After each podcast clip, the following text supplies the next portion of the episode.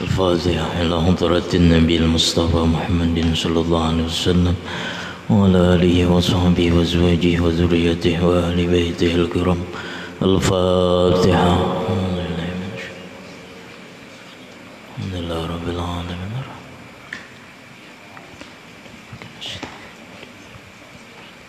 صراط الذين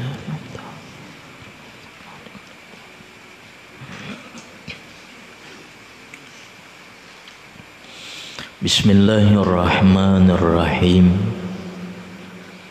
الحمد لله رب العالمين. والصلاة والسلام على أشرف الأنبياء والمرسلين. سيدنا ومولانا محمد وعلى آله وصحبه أجمعين. أما بعد. Qala musannif rahimahullah wa nafa'na bihi wa bi ulumihi fid dharain. Amin.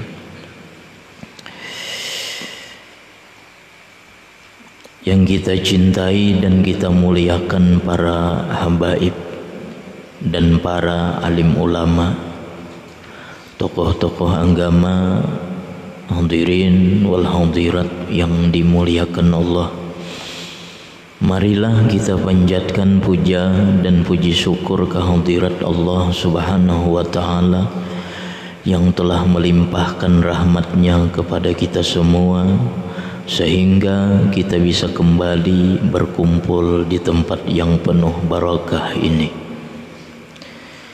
Salawat dan salam tak lupa kita haturkan kepada junjungan kita Nabi besar Muhammad sallallahu alaihi wasallam beserta keluarga beliau, sahabat-sahabat beliau, zuriat-zuriat beliau ila yaumil qiyamah.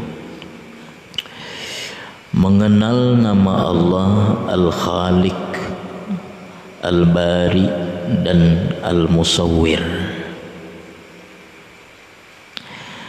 Yang kedua belas, ketiga belas, dan keempat belas dari Asma'illah Al-Husna adalah Al-Khaliq, Al-Bari dan Al-Musawwir.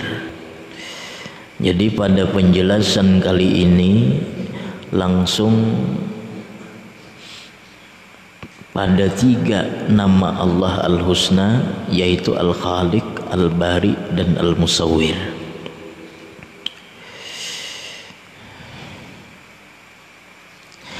Diciptakannya makhluk-makhluk Allah adalah hasil dari satu rangkaian dari tiga asmaul husna ini. Jadi terciptanya makhluk yaitu hasil dari rangkaian nama Allah yang tiga tersebut. Al-Khaliq Al-Bari dan Al-Musawwir artinya sama menciptakan Allah disebut Al-Khaliq dipandang dari sisi bahwa Allah Subhanahu wa taala menetapkan untuk menciptakan sesuatu. Nah, itu Al-Khaliq ngarannya. Al-Khaliq di masa azali Allah menetapkan menciptakan sesuatu. Nah, menetapkannya itu untuk menciptakan sesuatu itu namanya Al-Khaliq. Misalnya di masa azali, di masa belum ada makhluk, di masa Allah masih bersendirian Allah Subhanahu wa taala sudah menentukan bahwa pada hari Senin misalnya tanggal sekian tahun sekian akan menciptakan seorang makhluknya. Nah, Allah menentukan ini namanya Al-Khaliq. Belum lagi mewujudkan orangnya. Hanya menentukan tanggal sekian bulan sekian Allah hendak menciptakan makhluk. Ini ngarannya Al-Khaliq.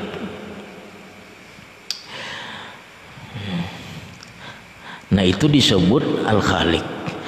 Nah disebut Al-Bari Sama juga Al-Bari ini yang menciptakan juga artinya. Nah Al-Bari dialah Allah subhanahu wa ta'ala Yang mewujudkan apa-apa yang telah direncanakannya Kalau Al-Khaliq tadi Allah merencanakan menciptakan sesuatu. Nah, itu Al-Khaliq. Nah, mewujudkan sesuatu yang direncanakan Allah tadi, nang mewujudkan ini namanya Al-Bari.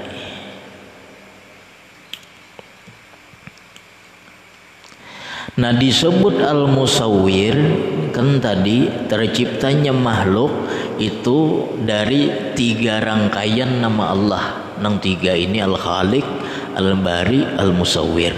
Al-khaliq ini menetapkan atau menentukan. Nah al-bari mewujudkan. Nah disebut al-musawwir, al-musawwir ini merupakan tapi maksudnya menciptakan juga. Dialah Allah yang menciptakan sesuatu dengan sebaik-baik susunan. Sesudah Allah mewujudkan sesuatu, maka Allah Subhanahu wa taala membentuk sesuatu itu. Dia rupakan dengan sebaik-baik bentuk atau sebaik-baik rupa yang demikian itu disebut al-musawwir. Jadi kalau kita melihat makhluk maka makhluk ini tidak sunyi daripada nang tiga macam tadi. Adanya makhluk itu. Pertama al-khaliq Allah nang menentukan hendak menciptakan itu makhluk. Kapan waktunya? Kapan waktunya di mana tempatnya itu sudah al khaliq kemudian mewujudkan sesuatu yang ditentukan tadi itu al-bari ngarannya tubuh ila bariikum. Nah bari itu nang menciptakan. Nah sesudah diwujudkan Allah Nah lalu al-musawwir ini merupakan membentuk Nah, kayak apa bentuknya? Nah, ini al-musawwir. Jadi direncanakan, diwujudkan, kemudian dibentuk sebaik-baik bentuk. Nah, jadi nang tiga macam ini kita bersyukur kepada Allah, kita dirupakan Allah dengan sebaik-baik bentuk. Sesudah Al-Khaliq merencanakan menciptakan kita, kemudian Al-Bari mewujudkan kita, kemudian Al-Musawwir membentuk kita dengan sebaik-baik rupa. Nah, setiap apa pun yang diciptakan oleh Allah Subhanahu wa taala adalah merupakan karya ciptaannya yang sangat indah. sangat agung dan menakjubkan. Apa pun itu. Dan semuanya itu kalau dari segi manfaat yang diciptakan Allah itu semuanya bermanfaat.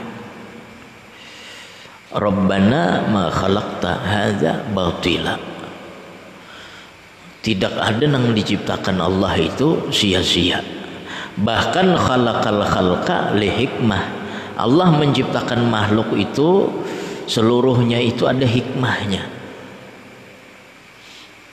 Kenapa Allah menciptakan nyamuk? Adakah manfaat nyamuk itu?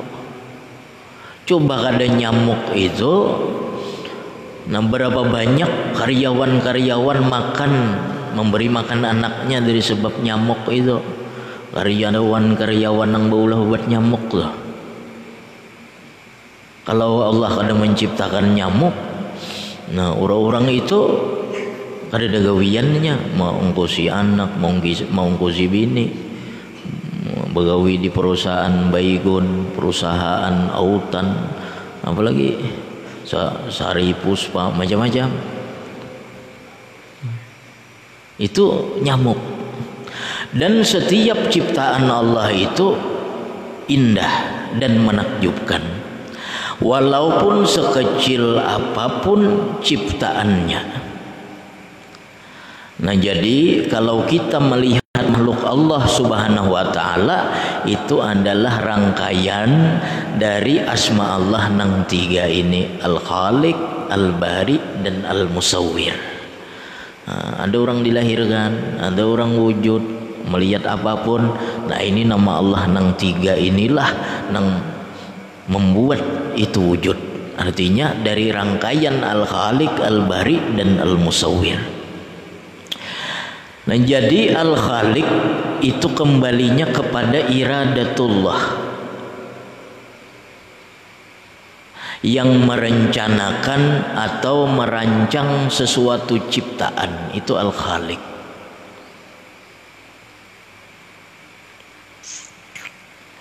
Al-Bari adalah nama Allah yang kembali kepada zatnya Tuhan yang mewujudkan atau menciptakan. Juga artinya cuma kembalinya kepada zat sedangkan al-musawwir yang kembali kepada sifat.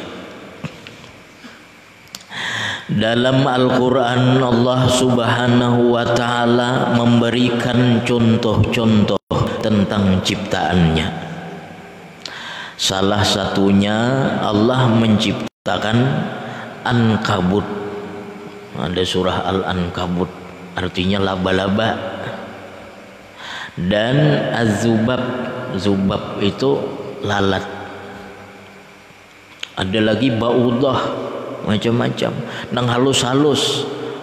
Apalagi an-namal lebah. Nah ada seorang Yahudi berkata di zaman Nabi ujar orang Yahudi kalau Allah Ta'ala itu maha besar atau Allah itu maha mulia? Kenapa Allah Ta'ala itu menyebut-nyebut tentang laba-laba dan lalat di dalam Al-Quran? Kan Allah Ta'ala itu agung. Allah Ta'ala itu maha besar.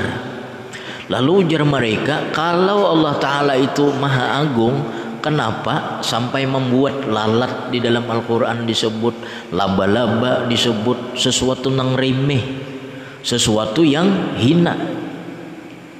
Perkara-perkara yang hina ujar orang-orang Yahudi tadi. Nah kemudian Allah menurunkan ayat Inna Allah la yastahi ayyadriba masalam ma ba'udatam pama Ujar Allah Ta'ala sesungguhnya Allah tidak malu menciptakan satu contoh seumpama nyamuk sekalipun atau yang lebih kecil daripada nyamuk. Allah kada malu menciptakan itu. Kenapa? Meskipun kecil, siapa yang bisa maulah selain Allah? Ujar Allah nang halus itu nah Allah kada malu menyebut-nyebutnya. Karena sekecil apa pun ciptaan Allah itu sesuatu yang menakjubkan. Ada penelitian bahwa ini laba-laba itu nah serat laba-laba lain Spiderman itu lain nang laba-laba nang asli itu nah. Serat laba-laba itu ketika diteliti ternyata itu terbentuk dari ribuan pintalan-pintalan serat. Kita melihat kalau satu satu benang laba-laba kecil. Ketika diteliti diperbesar berapa kali lipat pembesaran, ternyata dari kecilnya serat laba-laba itu terbentuk dari pintalan ribuan-ribuan daripada serat laba-laba. Ini kalau kita tali kita itu nah kelihatan pintalannya. Nah kalau laba-laba itu halus. Ketika diteliti ternyata dari serat yang halus itu terbikin bepintal-pintal ribuan pintalan lagi. Siapa kawa memintal itu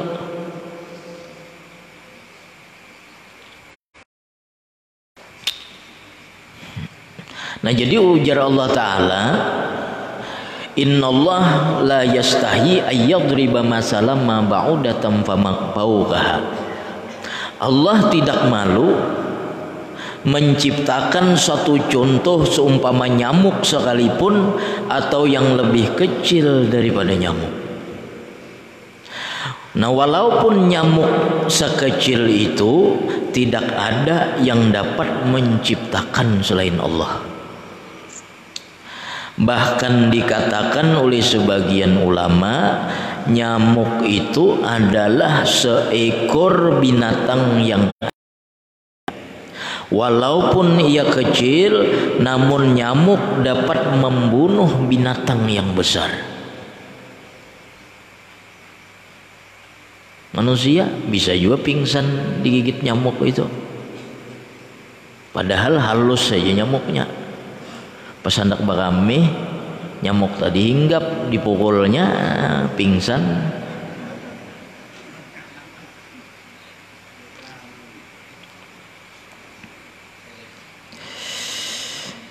Nah diriwayatkan ketika Raja Namrud Raja Namrud musuh Nabi Ibrahim nang hendak menghancurkan Ka'bah. Nah Raja Namrud ini begitu angkuh ia. Punya ribuan pasukan. Nah kemudian Allah menghendaki kematian Raja Namrud itu Allah mengirim nyamuk kepada Namrud. Maka dengan kekuatan Allah masuklah nyamuk tadi ke hidung sampai ke otak sampai ke otaknya mulai hidung. Nyamuk tadi ke sampai ke otak. Padahal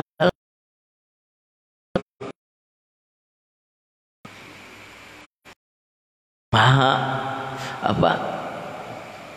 Angkuh. Dalam kisah Namrud itu pernah memanah ke langit memanah Tuhan. Raja Namrud nih jadi mengambil panahnya di panahnya langit. Lalu malaikat mengambil panahnya itu lalu ditusukkannya ke ikan di langit situ. Nah jadi dibalikkan oleh malaikat. Nah lalu panahnya tadi berdarah. Ujar Namrud. Nah Tuhan sudah ku panah mati sudah Tuhan. Nah. Raja Namrud. Musuh Nabi Ibrahim dan Namrud ini nang hendak melempar Nabi nang melempar Nabi Ibrahim ke api semalam. Nah, Allah hendak memusnahkan Namrud ini kadang kali hanya dengan seekor nyamuk. Jadi nyamuk tadi masuk ke hidung, berputar-putar di dalam kepala Namrud berapa? 40 hari satu umat saja, 40 hari. Setemat 40 hari itu lawas itu. Jadi berputar-putar nyamuk tadi. Berputar-putar. Jadi sehingga membuat Namrud tadi sakit selama 40 hari. Nah ia menghempaskan kepalanya ke lantai. Ada riwayat demikian. Ada juga riwayat Namrud ini mau upah orang siapa yang sanggup menampar Namrud ini sampai nyamuk itu tak keluar? Jadi ada orang yang kuat. Nah, jadi Namrud ini saking hilangnya akal sudah dimasuki nyamuk nang halus tadi.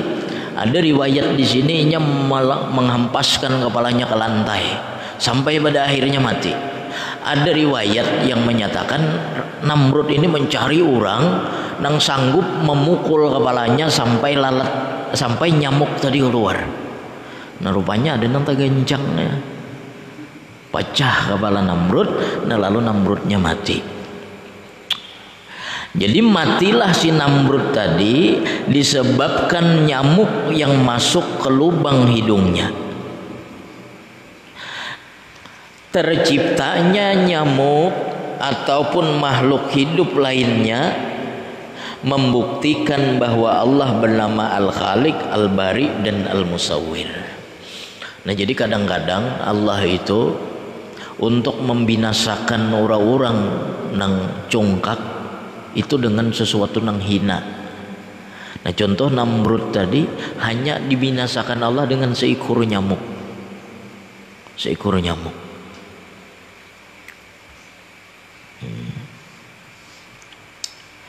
Nah nyamuk ini sekecil apa pun itu tercipta dari rangkaian tiga nama Allah tadi Al-Khaliq, Al-Bari dan Al-Musawwir. Artinya apa? Ketika kita melihat suatu makhluk sekecil apa pun, jangan pernah menganggap hina, menganggap remeh, memandang sebelah mata karena sekecil apa pun itu, sejelik apa pun itu dalam pandangan adat tapi itu tercipta dari tiga nama Allah ini.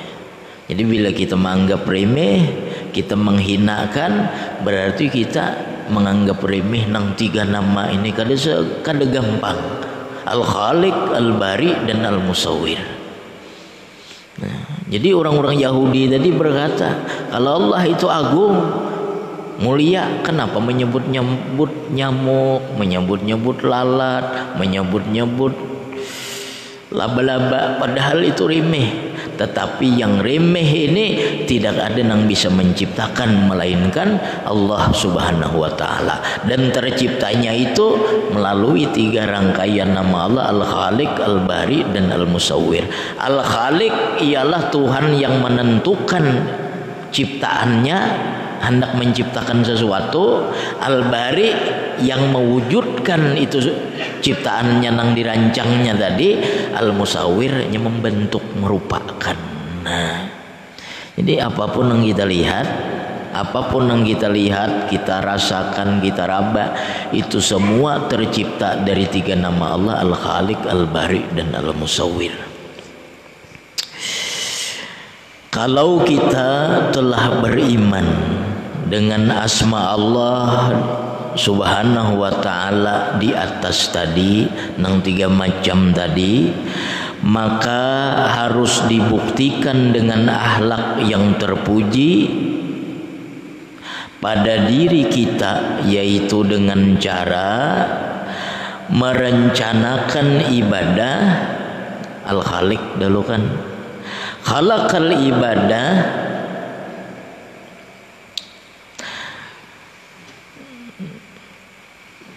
Merancang ibadah. Imbah kita rancang. Serta mewujudkannya. Dan sesudah kita mewujudkannya kita tutup ibadah itu dengan sebaik-baiknya. Nah itu tiga nama tadi. Pertama merancang dulu ibadah sesudah kita rancang baru kita laksanakan Sesudah kita laksanakan lalu kita tutup ibadah ini sebaik-baiknya supaya elok. Kan ada ibadah itu ada rukunnya. Kalau kayak sembahyang itu contoh ada rukun, ada sunat abad, ada sunat hayat. Rukun ini supaya ibadahnya sah hidup ibadah itu seumpama kalau sembahyang itu di dalam sembahyang itu rukun itu seumpama tubuh kita ini benda-benda nang pital. Bila kadada salah satu aja maka mati. Nah kayak itu juga rukun dalam ibadah itu bila salah satu rukun kada dikerjakan kada sah nah di dalam tubuh contoh kepala nggak ada nggak ada hidup. Jantung hati apalagi ginjal parut isinya itu nah. Nah kalau kada ada nang lima macam ini maka kada hidup kurang itu. Nah itu rukun umpamanya. Nah kaina ada sunat abad dalam ibadah sembahyang contoh sunat abad sunat abad ini mirip dengan rukun. Tetapi kalau ketinggalan sunat abad itu tetap sah sembahyangnya tapi kada sempurna. Kalau di dalam tubuh ini seumpama tangan kaki. Orang itu jantungnya ada kepalanya ada hatinya ada ginjalnya ada hidup. Tapi kada batangan kada babatisnya. Nah berarti kada kada sempurna. Nah sama ada sunat abad dalam sembahyang itu. Bila tertinggal sembahyangnya sahaja cuma kada sempurna. Contoh ketinggalan tasyahud awal ketinggalan kunut. Nah itu ketinggalan salawat atas Nabi di tasyahud awal. Ketinggalan tasyahud apa salawat Nabi ketika kunut. Nah itu kan sempurna. Nah ada lagi sunat hayat. Sunat hayat ini memperilok memperindah. Ketinggalan kata mengapa itu? Cuma kada ilok contoh sunat hayat takbiratul intikal? Mana takbiratul intikal? Allahu akbar. Allahu akbar. Allahu akbar. Allah. Takbir takbir berpindah rukun. Itu sunat hayat seandainya tertinggal sembahyangnya sah sempurna tetapi kada ilok mana lagi? Sunat-sunat hayat banyak. Baca surah membaca do jikir ketika ruku jikir ketika sujud sunat hayat. Nah di tubuh kita ini sunat hayat itu kalau kadada itu sempurna aja batis ada tangan ada cuma kada ilok contoh kada berbulu mata. Mujur kada berbulu mata ini bisa melihat makhluk halus itu. Betangan aja lahir bebatis saja cuma bulu mata kada ada alisnya kada ada. Nah si singut janggutnya kada ada. Mining awaknya seikungan. Nah jadi kayak itu juga kita beribadah itu rancang dahulu. Nah kita merancang merancang. Sesudah kita rancang lalu kita luluskan artinya kita kerjakan. Nah sesudah kita kerjakan baru kita tutup dengan sempurna ibadah tadi. Artinya dengan ikhlas. Hmm. nah jadi orang yang beriman dengan tiga nama Allah tadi ia akan memiliki ahlak yang terpuji yaitu pertama merencanakan setiap ibadah serta mewujudkannya dan sesudah itu kita tutup ibadah kita itu dengan sebaik-baiknya. Demikianlah tugas kita sebagai orang yang beriman dengan asma Allah yang tiga tersebut karena tugas kita di dalam dunia ini hanya untuk beribadah atau mengabdi kepada Allah. Karena tugas kita cuma beribadah jadi nang kita pikir, pikirkan tiga ini aja. Pertama kita rancang esok hari misal. Kekaya Allah Al Khalik tadi merancang hendak menciptakan makhluk. Hari ini tanggal sekian tahun sekian Allah rancang. Itu Al Khalik Kemudian Allah wujudkan itu al-bari. Artinya bukan hanya dirancang. Kan ada nang mati di rancangan aja. Mati dirunding aja orang. Berunding, berunding, berunding, berunding. Nikah masuk juga. Ya, ya. Artinya mati dirunding aja. Kadada pelaksanaannya. Nah, kalau Allah sesudah Al-Khaliq merancang lalu ada Al-Bari mewujudkan apa yang dirancang tadi, kemudian ada namanya lagi Al-Musawwir dirupakannya dengan sebaik-baik bentuk. Nah, kita beriman dengan nama Allah nang tiga ini pertama merancang esok hari. isuk ibadah apa ibadah kita kita rancang mulai bangun tidur jam sekian jam sekian jam sekian itu ada rancangan. Nah ini jangan dirancang aja esok hari dilaksanakan. Itu ngarannya mewujudkan. Nah sesudah dilaksanakan baru tutup ibadah tadi dengan sebaik-baiknya. Jangan sampai ibadah ini rusak. Jangan sampai ibadah yang sudah digawi tadi hilang nilainya. Kayak apa hilang nilainya? Dikisah-kisahkan, diungkit-ungkit, dicerita-ceritakan, dianggap itu besar. Kita kada boleh menganggap ibadah kita itu agung. Setiap yang kita persembahkan kepada Allah itu jangan dianggap itu besar kita harus menganggap itu ada artinya belum apa yang kita persembahkan kepada Allah itu. Karena amal itu iza sugirat kaburat. Apabila dianggap kecil, ini menjadi besar. Wa idza kubirat sagurat. Apabila kita menganggap besar, rasa agung, rasa hebat, amal tadi ini jadi kecil. Nah, berbeda dosa Ida sugirat kaburat apabila dosa ini dianggap kecil dianggap remeh ini jadi besar nah jadi kalau amal jangan dianggap besar. Karena ketika kita beramal pertama kita rancang tadi kemudian kita wujudkan kemudian kita tutup dengan baik. Maksudnya jangan sampai amal yang kita gawi ini kita tunjukkan ke orang kita kisahkan ke orang atau kita sendiri menganggap amal itu besar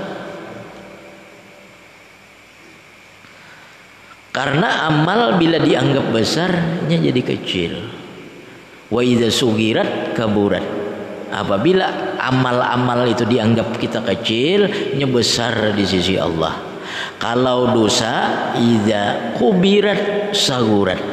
Kalau kita menganggap dosa kita ini besar, kita akhirnya menyesal, kita di situ ada penyesalan, merasa hina, merasa berdosa, maka dosa kita tadi jadi kecilnya.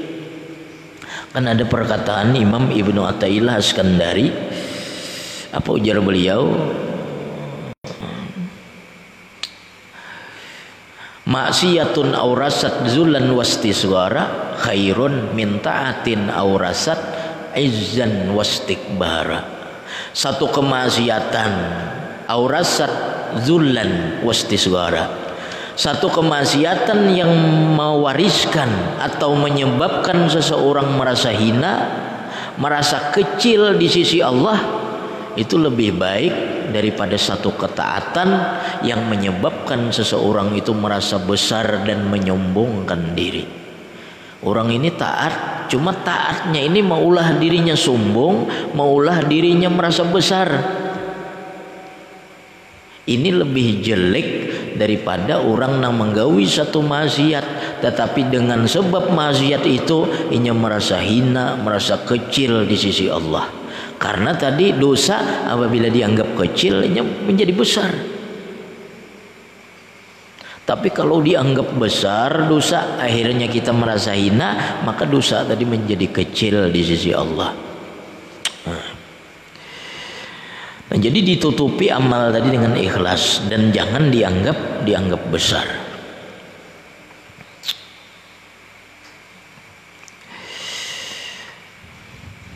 Demikianlah tugas kita sebagai orang yang beriman dengan asma Allah yang tiga tersebut karena tugas kita dalam dunia ini hanya untuk beribadah atau mengabdi kepada Allah. Orang-orang yang menggawi maksiat tadi itu ingati dosa maksiat itu jangan dianggap remeh. Karena la rata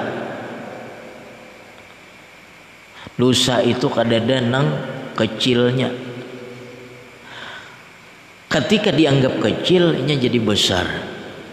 Kan dosa itu jadi besar dengan sebab pertama istisgar menganggap remeh tadi. Menganggap remeh. Dosanya kecil cuma kita anggap remeh jadi besar.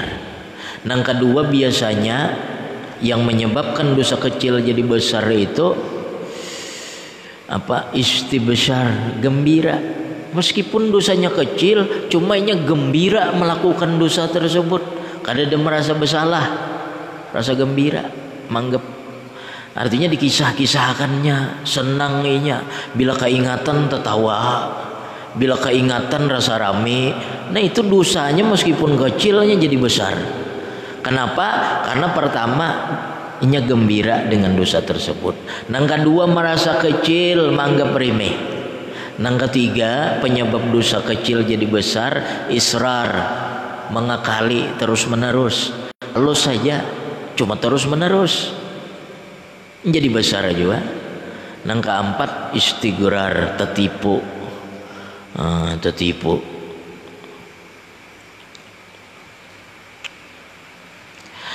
Kalau keimanan kita sudah mantap dengan Al-Khaliq, Al-Bari dan Al-Musawwir ini, maka dengan sendirinya kita akan selalu merencanakan ibadah-ibadah yang akan kita lakukan.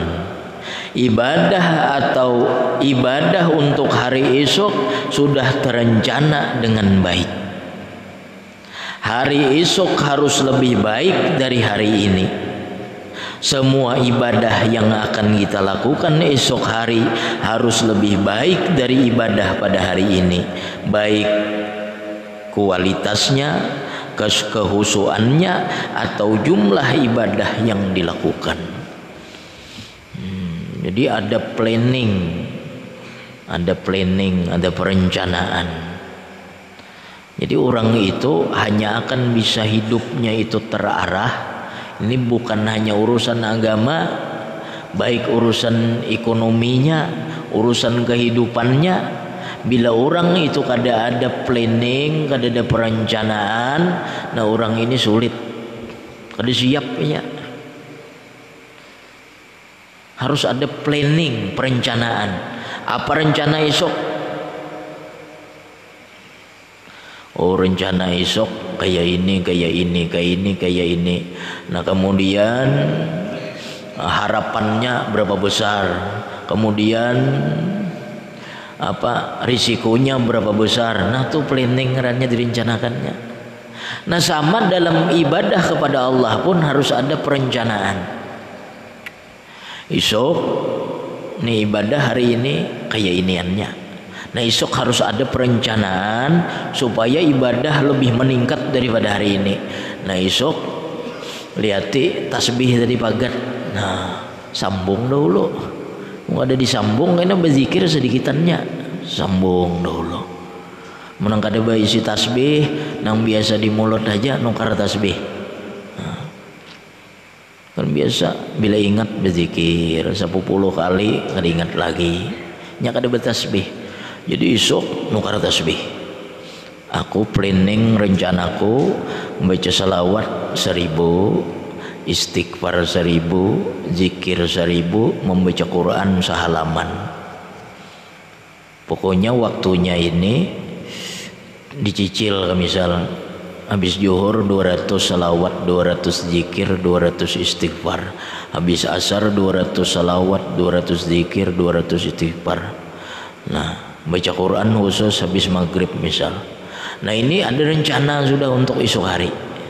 Nah kaina ada lagi perencanaan bila sudah istiqamah ini lalu meningkatkan. Yang tadi seribu jadi dua ribu. Nang asalnya dua ratus sesudah sembahyang jadi empat ratus. Tambahi Nah itu perencanaan ngarannya. Sesudah rencana ini diwujudkan, arti diwujudkan di sini, kaina ada halangan jangan dikalahkan. Biasanya habis juhur nih membaca zikir dua empat ratus salawat empat ratus istighfar empat ratus. Imbah juhur ada saruan. Hmm, rumah orang. Nah ini perencanaan kita ini saruan gak membaca zikir ini kah nah itulah kaja kasaruan cuma sesudah disaruan jangan gak diingat dibaca nang kada bukan nang salahnya tuh imbah saruan kada dibaca lagi jadi berarti merancang aja inya kada mewujudkan Karena ada berbenturan-berbenturan waktu itu habis Isya. Biasanya 400. Nah sekarang ada kawan menelpon. Anu jar timbang akan sarang burungku ya lima ya. Habis Isya langsung. Nah, maka 400 400 1200 dihitung itu kurang lebih seperempat jam. Habis Isya kawan menunggui melipuni tulak. Imbah tuntung nah, rame rame keringat lagi turingan. Nah ini mati dirancang yang rannya nah jadi dirancang imbah dirancang diwujudkan nah baru sesudah diwujudkan ditutupi. Ini contoh ibadah apakah selain itu? Ini hanya contoh. Nah setelah perencanaan ibadah yang sudah baik baru ibadah diwujudkan. Mewujudkan ibadah dari rencana yang baik itu adalah merupakan tanda beriman dengan al-bari. Setelah itu baru kita tutup ibadah itu dengan baik dan indah. Imam Al-Ghazali rahimahullah taala mengatakan untuk membentuk ibadah supaya baik dan indah setidak-tidaknya ada empat sifat yang harus dilakukan oleh seorang hamba. Kan Al-Khaliq tadi merancang. Kita beriman kita merancang ibadah. Nah untuk mewujudkannya ini, mewujudkan ini kita beriman dengan Al-Bari sebagaimana Al-Bari mewujudkan daripada perencanaannya. Nah mewujudkannya ini dengan nang indah kan tadi al musawwir itu membentuk nang rapi. Ujar Imam Ghazali ada empat. Supaya berbentuk supaya ya wujud ada empat. Pertama ikhlas dengan amal. Amal yang sudah kita gawi kalau kada ikhlas berarti bentuknya kada baik tuh nah pertama orang itu harus ikhlas dalam beramal. Ikhlas pil amal Maksudnya adalah pendorong untuk beramal semata-mata hanya untuk menjalan tu, menjalankan tugas sebagai hamba Allah atau semata-mata karena perintah Allah. Kenapa engkau sembahyang? Kenapa engkau membaca Quran? Kenapa engkau bersedekah? Jawabannya dorongannya itu apa? Dorongannya adalah menjalankan perintah Allah. Dorongannya adalah karena dia seorang hamba yang harus mengabdi kepada Tuhannya.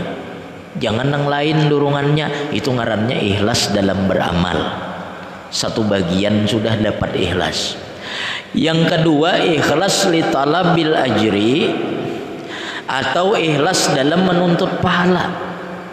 Maksudnya adalah balasan yang diharapkan dalam ibadah hanyalah Allah atau ridhanya atau yang diharap adalah surga dan selamat dunia akhirat. Imbah tujuannya tadi sudah murni karena Allah, balasannya di mana di akhirat. Nah ini sempurna ikhlas bil amal dan ikhlas pitalab bil ajri. Misal kita membaca surah membaca surah Waqiah. Apa dorongannya membaca surah Waqiah? karena dorongannya ini Allah menyuruh membaca Al-Qur'an. Jadi aku membaca karena Allah. Dorongannya. Lalu balasannya bang supaya apa? Ujarnya balasannya supaya dimurahkan rezeki. Nah ini kada ikhlas nih nya kada sempurna ikhlasnya. Hanya ikhlas dalam beramal. Tapi pahalanya di akhirat kada ada lagi. Balasannya murah rezeki tadi aja.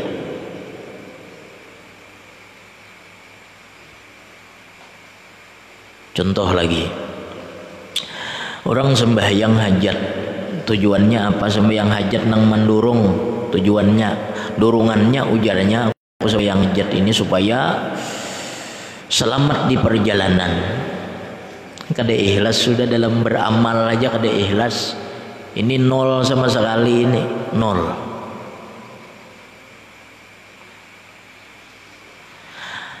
Kenapa ikam saya ngajak menjunjung Allah menggawi nang disuruh Allah yaitu nang pardu dan nang sunat.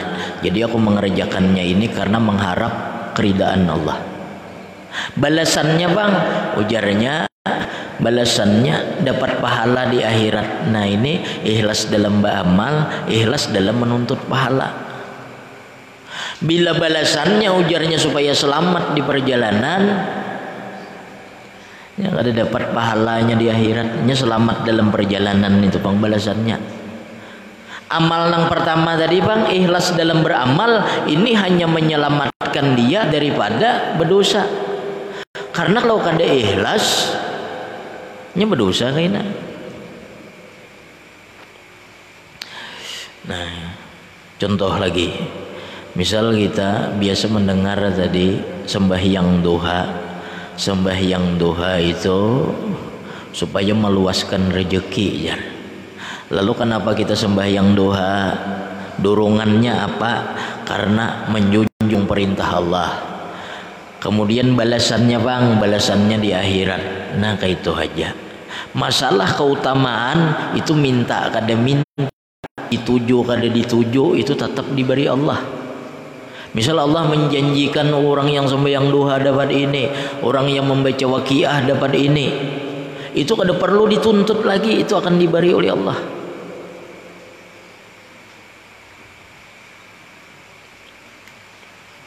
Ujar orang misal. Ujar orang.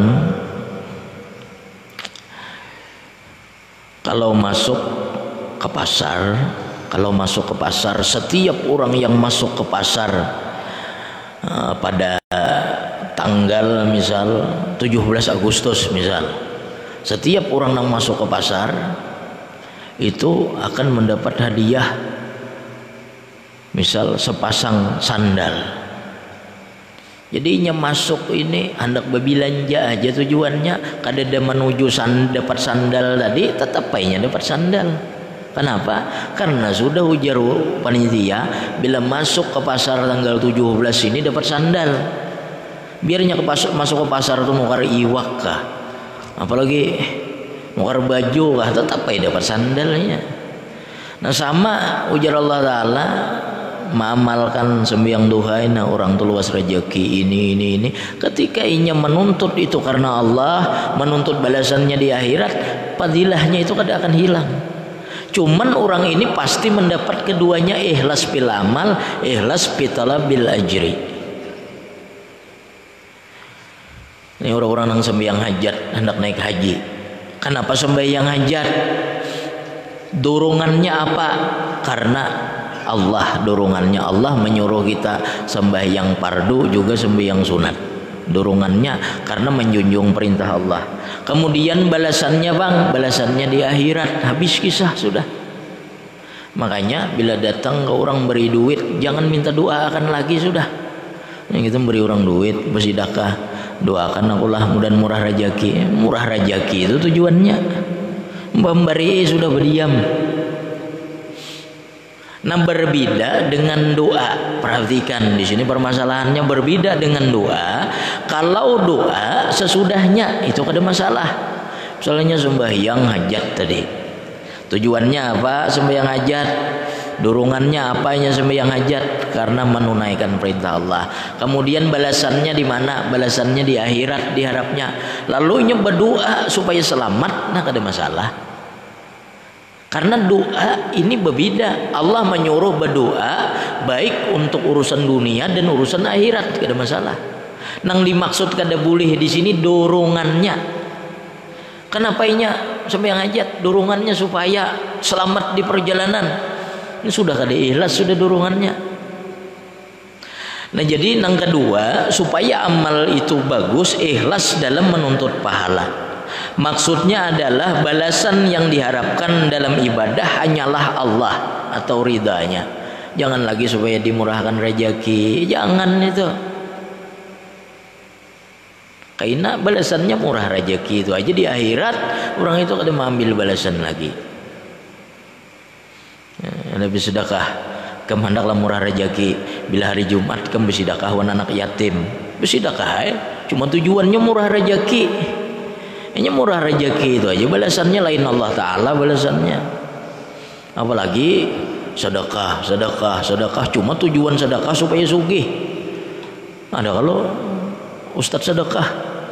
Sedekah. Cuma tujuannya menyuruh orang bersedekah nih murah rezeki murah rezeki apabila lagi menyuruh Allah tujuannya Nah jadi ujar Imam Ghazali ada ikhlas fil amal, yang kedua ikhlas pitalabil ajri. Nah pitalabil ajri ini pahalanya balasannya di akhirat saja, balasannya Allah aja. Masalah keutamaan itu kada kita tuntut tetap diberi kayak tadi. Ujar orang bila masuk ke pasar tanggal 17 dapat sepasang sandal. Masuk ke pasar ini biar nukar iwak kayaknya tujuannya. Tetap kayaknya dapat tadi. Artinya bila menggawi apa yang disuruh Allah dan sesuai dengan keutamaan-keutamaannya, dia tetap dapat keutamaan itu. Orang sembah yang duha tetap dapat keutamaannya. Murah rezeki meskipun ia kada berharap dari murah rezeki sembah yang duha itu. Kau dipaham nih? Yang ketiga, beramal ia ingat bahwa ia bisa melakukan ibadah adalah karena nikmat yang dianugerahkan oleh Allah. Zikrul minnah minallah. Inya mah ingat bahwa inya bisa beramal ini karena taufik, karena karunia Allah. Nah, tiga sudah amal tadi karena Allah dorongannya nang kedua balasannya keridaan Allah atau pahala di akhirat. Nang ketiga zikrul minnah minallah. Inya ingat bahwa dirinya beramal ini kawa. Itu karena anugerah Allah. Kalau tidak ingin anugerah kalau tidak ingat anugerah bahwa anugerah itu dari Allah berarti ada sifat ujub dalam hatinya. Nya merasa inya nang beramal na ujub pulangnya Tiga sudah nih supaya amal baik. Nang keempat takzimut taufik atau membesarkan atau merasa besar taufik Allah bagi dirinya. Inya menganggap berarti inya kawa beribadah ini berarti ini merupakan nikmat taufik yang sangat besar diberikan Allah kepadanya. Karena taufik Allah sangatlah besar. Kemampuan berbuat taat mampu menuntut ilmu ke masjid untuk salat berjamaah dan macam-macam ketaatan lainnya semuanya itu adalah taufik yang sangat besar yang diberikan Allah. Tidak sedikit dari makhluk Allah yang tidak mendapat taufik darinya. Nah, jadi empat nih. Empat ini iman kita kepada al-musawwir tadi membaguskan amal kalau merancang amal beriman kepada Al-Khaliq. Kemudian mewujudkan atau mengerjakan amal beriman kepada Al-Bari. Kemudian menutup amal itu supaya baik. Ini adalah bentuk daripada iman atau ahlak bahwa kita beriman dengan nama Allah Al-Musawwir mana tadi ikhlas dalam beramal, ikhlas dalam menuntut pahala, kemudian mengingat bahwa ya kau beramal itu adalah dari Allah dan kemudian menganggap besar taufik yang diberikan Allah sehingga ia bisa melakukan amal. Bila nang empat ini dilakukan, nah berarti amal nang dikerjakannya itu indah atau baik.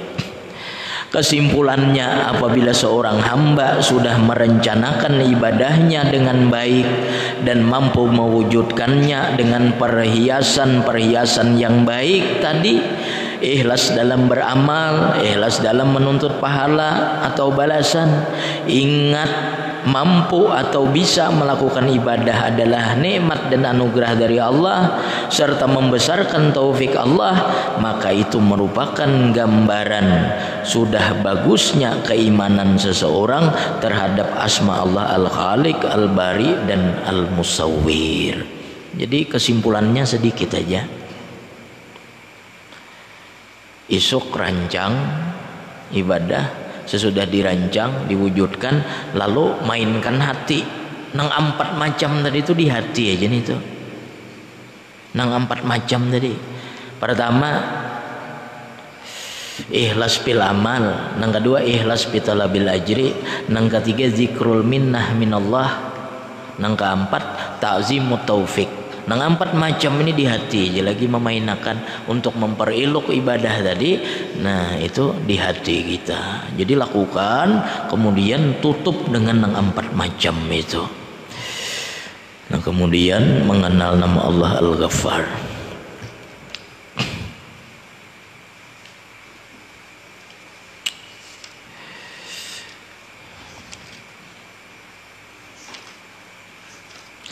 Nah ada tiga nama pada hari ini Al-Khaliq, Al-Bari dan Al-Musawwir. Nah ketiga nama Allah Ta'ala ini Sebagaimana nama-nama sebelumnya Juga memiliki keutamaan. Nah yang pertama Al-Khaliq Yang maknanya tadi Mengadakan makhluk Hasiatnya, nah ini bagus hasiatnya. Barang siapa berzikir dengan dia seperti dikatanya ya Khaliq waktu tengah malam sebanyak 731 kali 731 kali Insya Allah diterangkan hatinya. Insya Allah diterangkan hatinya dan dirinya. Dan barang siapa kehilangan harta atau tinggalkan oleh kekasih. Nah, nilai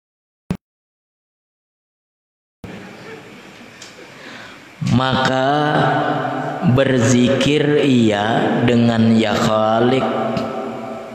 Sebanyak lima ribu kali insya Allah datang ia dengan perintah Allah. Satu. Jadi kalau hendak untuk hati tadi supaya terang dibaca 731 kali. Apabila membacanya tengah malam. Nah ini yang pertama keutamaannya. Yang kedua nani khususan nih yang kedua ini bila seseorang ini ditinggalkan oleh orang yang dikasihinya artinya baik suaminya kah saudaranya kah atau anaknya kah kehilangannya atau kehilangan harta. Harta maka dibacanya 5000 kali. Dibacanya 5000 kali. Ya Khalik insya Allah datang ia dengan perintah Allah. Nah artinya di sini kehilangan harta kah?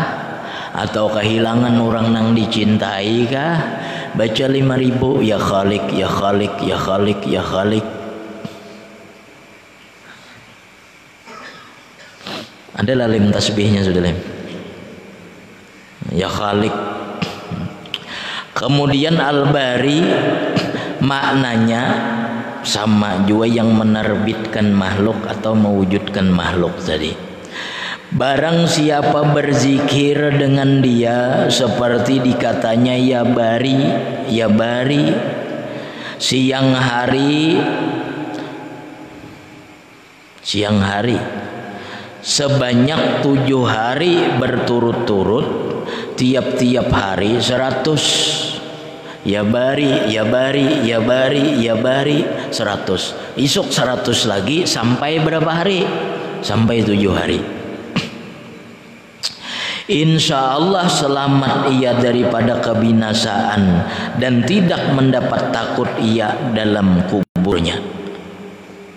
Artinya di dunia ia diselamatkan, di dalam malam kubur pun diselamatkannya. Tidak takut ia di dalam kuburnya. Yang pertama ia insya Allah selamat daripada kebinasaan. Kebinasaan di dunia kemudian di alam kubur ia kada akan takut. Dan barang siapa berzikir dengan dia malam hari sama juga tujuh malam seratus ya, tujuh malam berturut-turut tiap malam seratus kali insya Allah dijadikan sembuh segala penyakit dalam tangannya artinya kada berubat ke lain lagi jadi baca tadi apa? Ya bari, ya bari malam sehari seratus. Nang penyakit corona kah baca aja juga. Ya bari, ya bari, ya bari seratus kali sampai tujuh malam. Sembuh ia segala penyakit dalam tangannya. Kemudian al-musawir yang merupakan makhluk Barang siapa mengakali berzikir dengan dia seperti dikatanya ya musawir tiap-tiap hari setiap hari 336 atau lebih nah ini ada batas sekurang-kurangnya 336 Insya Allah menjadi baik segala apa yang dikerjakannya.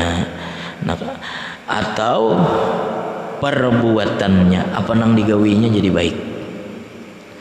Jadi bila hendak menggawi apakah? Hmm, ngulah sarang burung kah supaya baik cuma dahulu dia kada tahu belum. Nah jadi nang belum maulah bila hendak maulah baca dahulu yang musawir yang musawir. Tapi supaya baik sarang burungnya aja masalah baisi kada tahu lagi.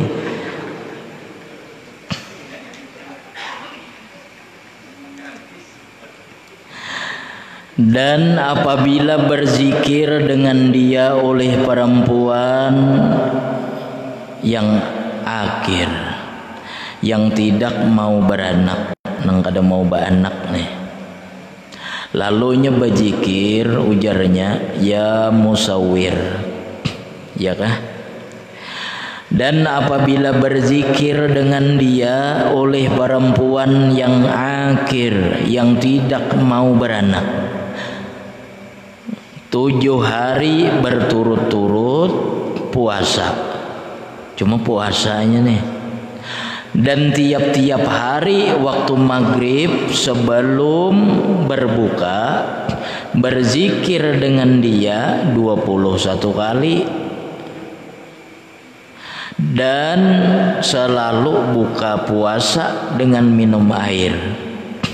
Nah jadi caranya tadi kayak ini. Perempuan yang kada mau beranak ini puasa tujuh hari. Setiap hari sebelum buka sebelum buka tuh. Nya baca ya musawir ini sebanyak 21 kali. Ujarnya ya musawir ya musawir ya musawir 21 kali. Tapi sesudah buka inya hanya buka memulai dengan air. Jangan dimulai awan amparan tatak dahulu. Uh, bingka kantang. Cuma awan air memulainya berapa dibacanya? 21 kali. Dan selalu buka puasa dengan minum air. Dan dalam tujuh malam itu jangan banyak makan. Makan boleh aja cuma jangan banyak. Insya Allah dirupakan anak dalam rahimnya. Dan demikian pula suaminya puasa tiga hari. Nah jadi ngaran baulah itu bersama aneh. Jadi lain bini aja nang puasa. Cuma berbeda bininya tujuh hari nang laki tiga hari. Dan berzikir dengan dia waktu hendak berbuka dengan air. Berapa? Sama 21 kali ditiupkan pada air itu dan selalu diminum. Baru ditiup diminum. Sesudah itu dakhala yadkhulu dukhulan.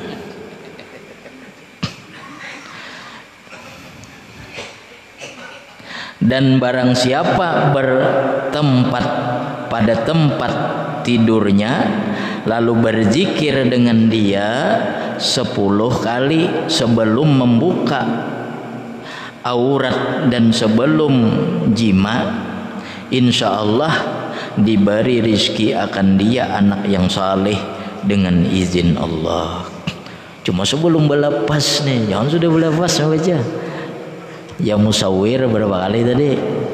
Sepuluh. Ingat situ 我说发姐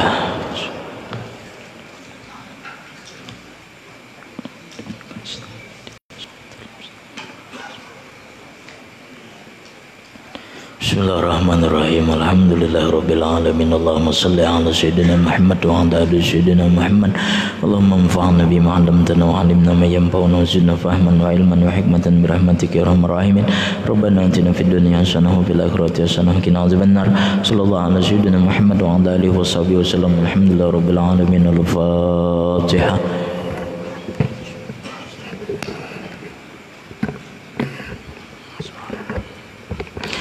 Amin amin ya Allah. Bismillahirrahmanirrahim. Alhamdulillah rabbil alamin. Wassalatu wassalamu ala asrafil anbiya mursalin wa ala ibadillah sholihin Allahumma wa sallim ala sayyidina Muhammad. Allahumma inna nas'aluka salamatan fid din wa afiatan fil jasadi wa jiyadatan fil ilmi wa barakatan fil rizqi taubatan qabla al maut wa rahmatan indal maut wa maghfiratan ba'dal maut.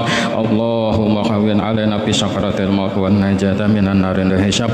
Rabbana la tujib qulubana ba'da id hadaitana wa hab lana min ladunka rahmah innaka antal wahhab rabbana atina fid dunya hasanah wa fil akhirati hasanah wa qina azabannar wa sallallahu ala sayyidina muhammadan abduhu wa rasuluh subhana rabbika rabbil izzati amma yasifun wa salamun alal mursalin walhamdulillahi rabbil alamin فيا أيها الراجون منه شفاعة صلى عليه وسلم تسليما اللهم صل وسلم وبارك عليه وعلى آله